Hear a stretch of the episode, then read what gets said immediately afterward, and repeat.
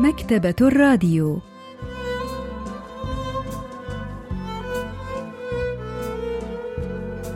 أهلا وسهلا بكم في حلقة جديدة من البرنامج الأسبوعي مكتبة الراديو الذي نستعرض من خلاله كتابا جديدا كل أسبوع. واليوم سوف نستعرض قصة هواسان تيكي للكاتب أو يونغ سو. لحظات ونوافيكم بالتفاصيل.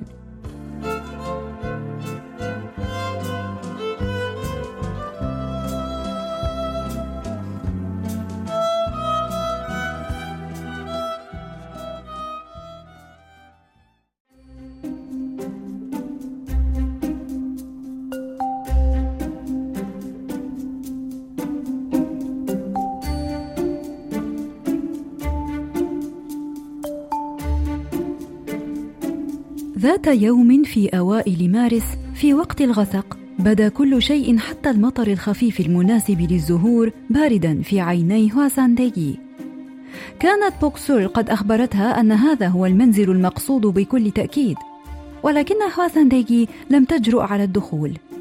ظلت تلمحه من الخارج في تردد. لا يمكن أن يكون هو. مهما فكرت في الأمر وجدت أنه ليس منزلا عاديا يعيش ابنها فيه. كانت هوسانديكي تلتقط الأعشاب الجبلية في الربيع وتجمع الحبوب في الخريف كي تبيعها في السوق المقامة في الشارع الجانبي في كيونجو على بعد عشرة لي من القرية الجبلية المعزولة. كانت الجدران العالية والبوابة الملونة والنوافذ الزجاجية كلها تبدو كمكتب حكومي عام كمبنى خدمات السكان في قرية ريفية. قالت لا أظن أنه هو. أنا متأكدة من أنه ليس هو. لا يمكن أن يكون هو. استرقت النظر من فرجة صغيرة بالنافذة لإلقاء نظرة إلى الداخل ولكنه لم يكن منزلا بكل تأكيد. كان من المفهوم ألا يكون هناك ملابس مغسولة ومنشورة فالأمطار كانت تهطل. لكن كان يجب أن يكون هناك آنية فخارية أو حتى كومة من الأسمدة. لكن لم يكن هناك أي شيء كهذا. كان هذا هو المشهد الأول من قصة هواسانديجي للكاتب أو يونغ سو التي نشرت عام 1952 خرجت هواسانديجي من قرية جبلية نائية لتقابل ابنها الأصغر الذي لم تكن قد رأته لعدة سنوات. ذهبت إلى المكان الذي قيل لها إنه يسكن فيه ولكنها وجدت مبنى أشبه بالمرافق الحكومية منه بالمنزل العادي. أصيبت عندها بالارتباك. ثم رأت هواسانديجي امرأة شابة تغادر المكان فهوى قلبها بين قدميها.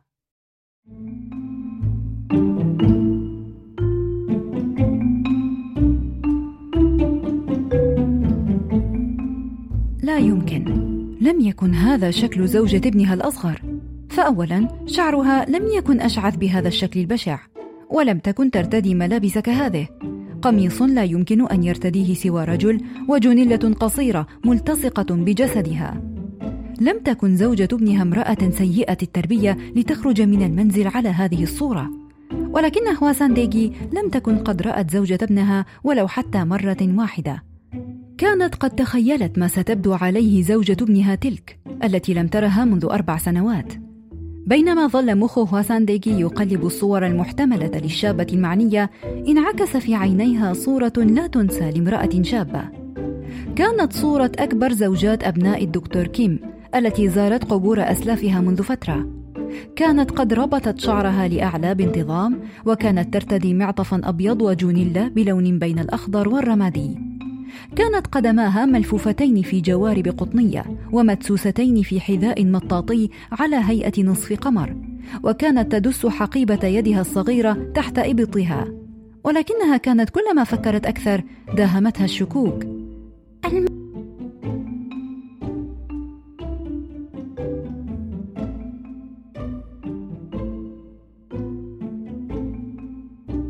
المعذرة هل تعرفين شخصا يدعى دوري؟ كان دوري هو اسم ابنها في الطفولة. كان الاسم المكتوب على لوحة الباب هو باك سوك جن قالت الشابة لا أعرف أحدا بهذا الاسم.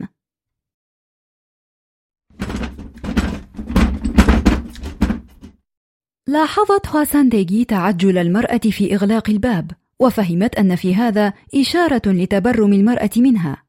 كانت قد قالت لها لا يوجد في هذا الحي شخص اسمه دولي أو ما شابه. خرجت الشابة إلى الشارع الرئيسي وهي ترمق هواسانديغي بنظرة غاضبة. قالت في نفسها يا للوقاحة لا شك أن قليلة الذوق تلك تظنني لصة. سارت هواسانديغي في الطريق الرئيسي وهي تشعر بالضيق الشديد من وقاحة الشابة وأملت في أن ترى ابنها الأصغر. في هذه الأثناء رأت ابنها يسير في اتجاهها. امتلأت عيناها بدموع السعادة وأقبلت عليه في تأثر. ولكنه مر بجانبها وكأنها ليست موجودة. إنها أنا! ماذا تفعلين هنا؟ جئت لأراك. لندخل المنزل. تردد الابن قليلا قبل أن يدخل والدته المنزل الذي كانت قد رأته قبل قليل. مسحت رجليها بقماشة صغيرة وأتى لها ابنها بحذاء مطاطي بعد أن تخلص من حذائها المصنوع من القش.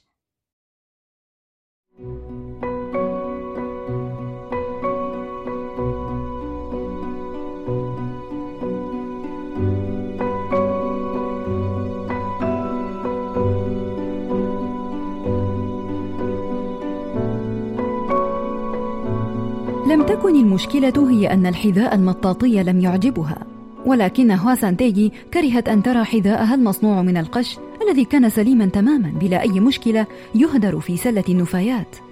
لم تكن معتادة على الحجرات المغطاة بالتاتامي ولم تكن أيضا معتادة على مظهر خزانات الملابس اللامعة ومنضدة التزيين المتصلة بمرآة كبيرة. كانت هناك ملابس غير مكوية معلقة على الجدار. كل شيء كان يبدو غير قابل لللمس مما جعلها تشعر بالحرج والحذر. لم تكن تدري أين يجب أن تجلس ولا كيف يجب أن تجلس. شعرت بارتباك كبير وكأنها خادمة في حجرة سيدها. رغم أن هواسانديغي كانت في منزل ابنها كانت تشعر بعدم الراحة ثم عادت زوجة ابنها إلى المنزل. قالت لم أكن أعرف من تكونين حينها. لا بأس. ولكن الأمر لم يكن على ما يرام. فقد ذهبت الشابة إلى المطبخ دون أن تنحني تحية لحماتها كما هي العادة.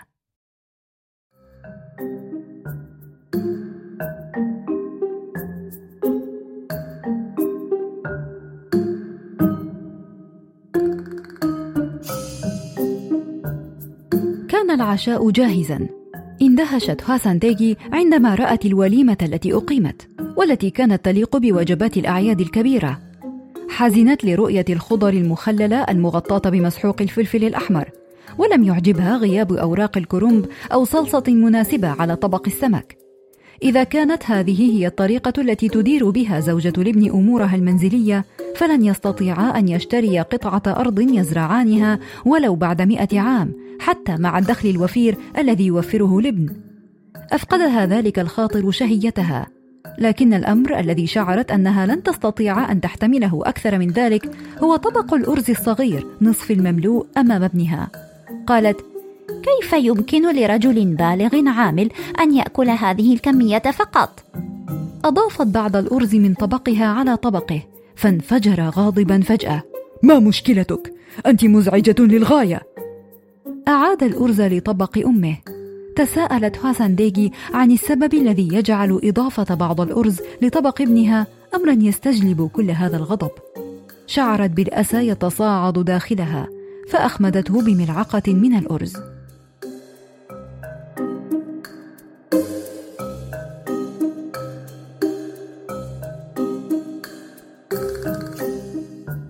قالت نسيت أن أعطيك هذه. فضت لفافة قماشية كانت قد أحضرتها معها. تذوقها إنها كعكة مصنوعة من ثمار البلوط. لقد خبزتها بنفسي. اكتفت زوجة الابن بإلقاء نظرة سريعة عليها. أما ابنها فلم يكلف نفسه عناء النظر حتى. قضمت حفيدتها قضمة واحدة ثم لفظتها وأعادت الكعكة إلى اللفافة. قال ابنها لزوجته أعدي لها فراشا في الحجرة الأخرى. لابد أنها تشعر بالإرهاق. كانت هاسان ديجي تتمنى أن تحظى بحوار طويل مع ابنها ولكنها لم تجد أمامها سوى أن تذهب إلى غرفة الضيوف بمفردها. لم تستطع أن تنام على الغرفة المغطاة بالتاتامي بسقفها العالي ونوافذها المعزولة وجدرانها المطلية القاسية. شعرت بالوحدة. حاولت أن تنام. ولكنها كانت تسير بالفعل على الطريق غير المرصوف وسط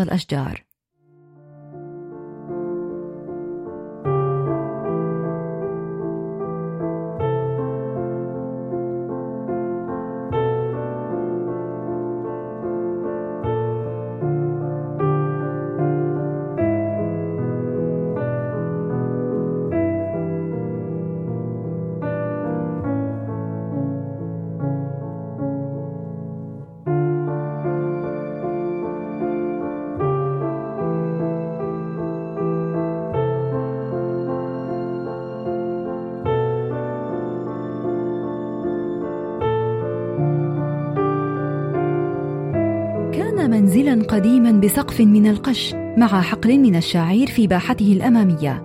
جدار طيني تزينه آثار دم بقي الفراش وأحفادها نائمون ببطون مكشوفة وأطراف متداخلة في حجرة معبقة برائحة فول الصويا المختمر.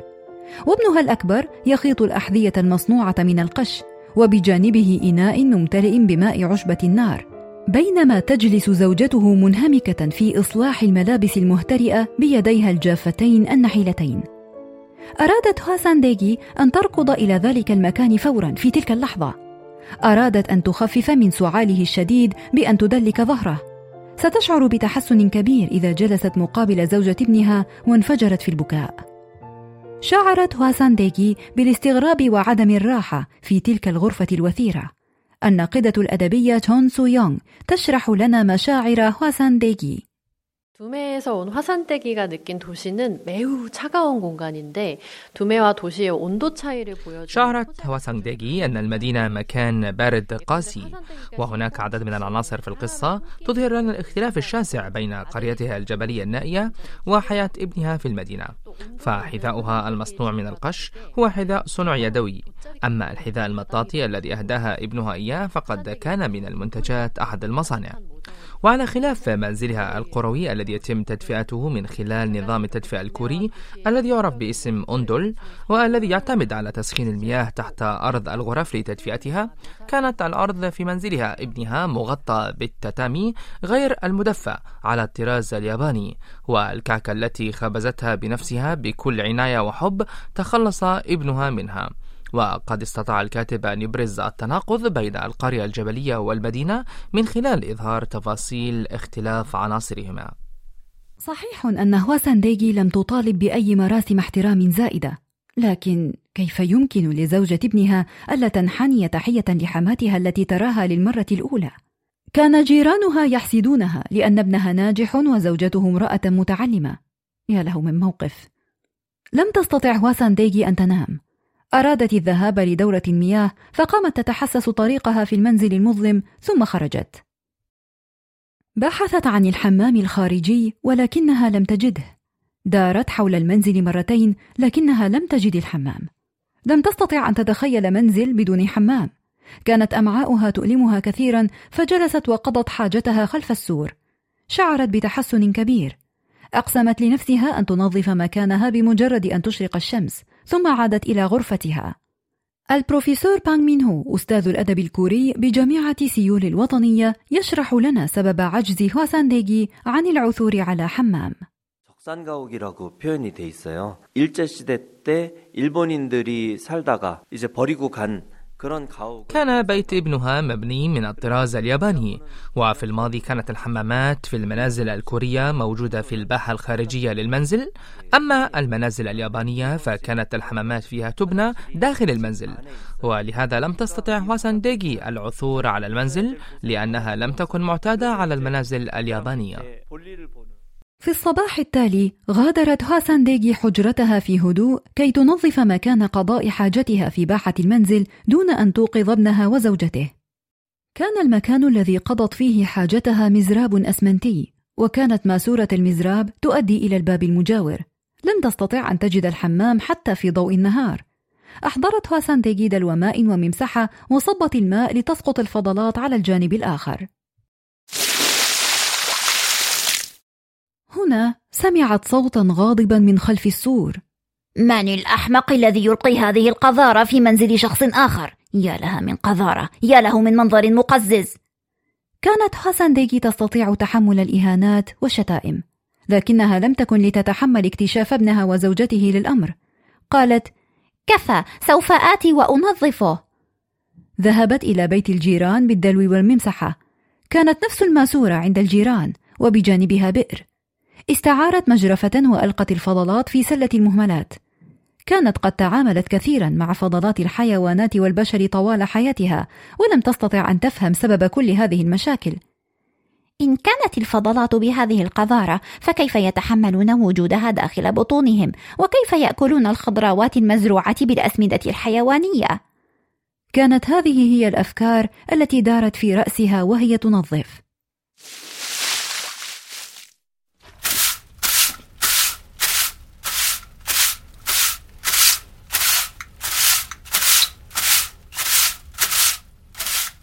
سأل الجار هل أنت من أقرباء سكان المنزل؟ هل هو ابنك أم زوجته ابنتك؟ لا هذا ولا ذاك. أنا مجرد معرفة بعيدة. قضيت ليلة في المنزل. كانت هذه مجرد حماقة من امرأة عجوز. خشت أن يشعر ابنها وزوجته بالخجل مما فعلته ولذلك لم تخبر الجار بأنها أمه. كانت في طريق عودتها إلى المنزل ألقت نظرة على سلة المهملات. رأت الكعكة التي جلبتها هدية لابنها. كانت كاملة لم يأكل منها أحد. يا له من إهدار للنعمة كيف يتخلص أحد من الطعام؟ أسرعت تخرج الكعكة من السلة وتخفيها تحت تنورتها. كان حذاؤها المصنوع من القش أيضا في سلة المهملات.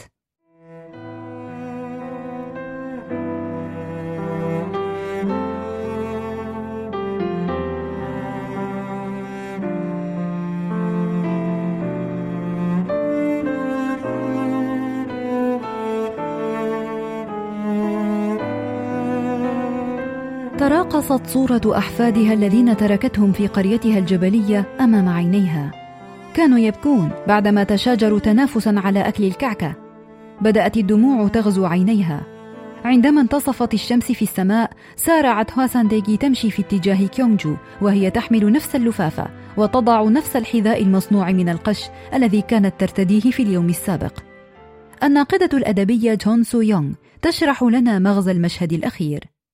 오영수는 일평생 자신이 나고 자란 시골의 모습을 작품에 그려내기 위해 노력했던 그런 작가입니다. حاول الكاتب أن يصور المجتمع الريفي الذي نشأ وترعرع فيه وقد نشرت القصة في أوائل الخمسينيات من القرن الماضي في الوقت الذي بدأ فيه تطوير المدن ومن ثم بدأت الفجوة بين الريف والمدن في الاتساع وقد رأى الكاتب أن المجتمعات الريفية النائية أكثر قيمة وقد ظهرت رسالته هذه واضحة في المشهد الأخير الذي قررت فيه هواسان ديجي العودة إلى قريتها الجبلية دون ذرة ندم أو شعور بالرغبة في الاعتذار.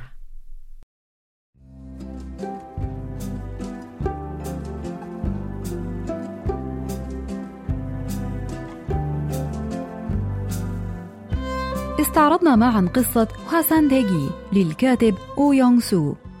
وإلى اللقاء في الأسبوع القادم مع كتاب جديد ومبدع جديد.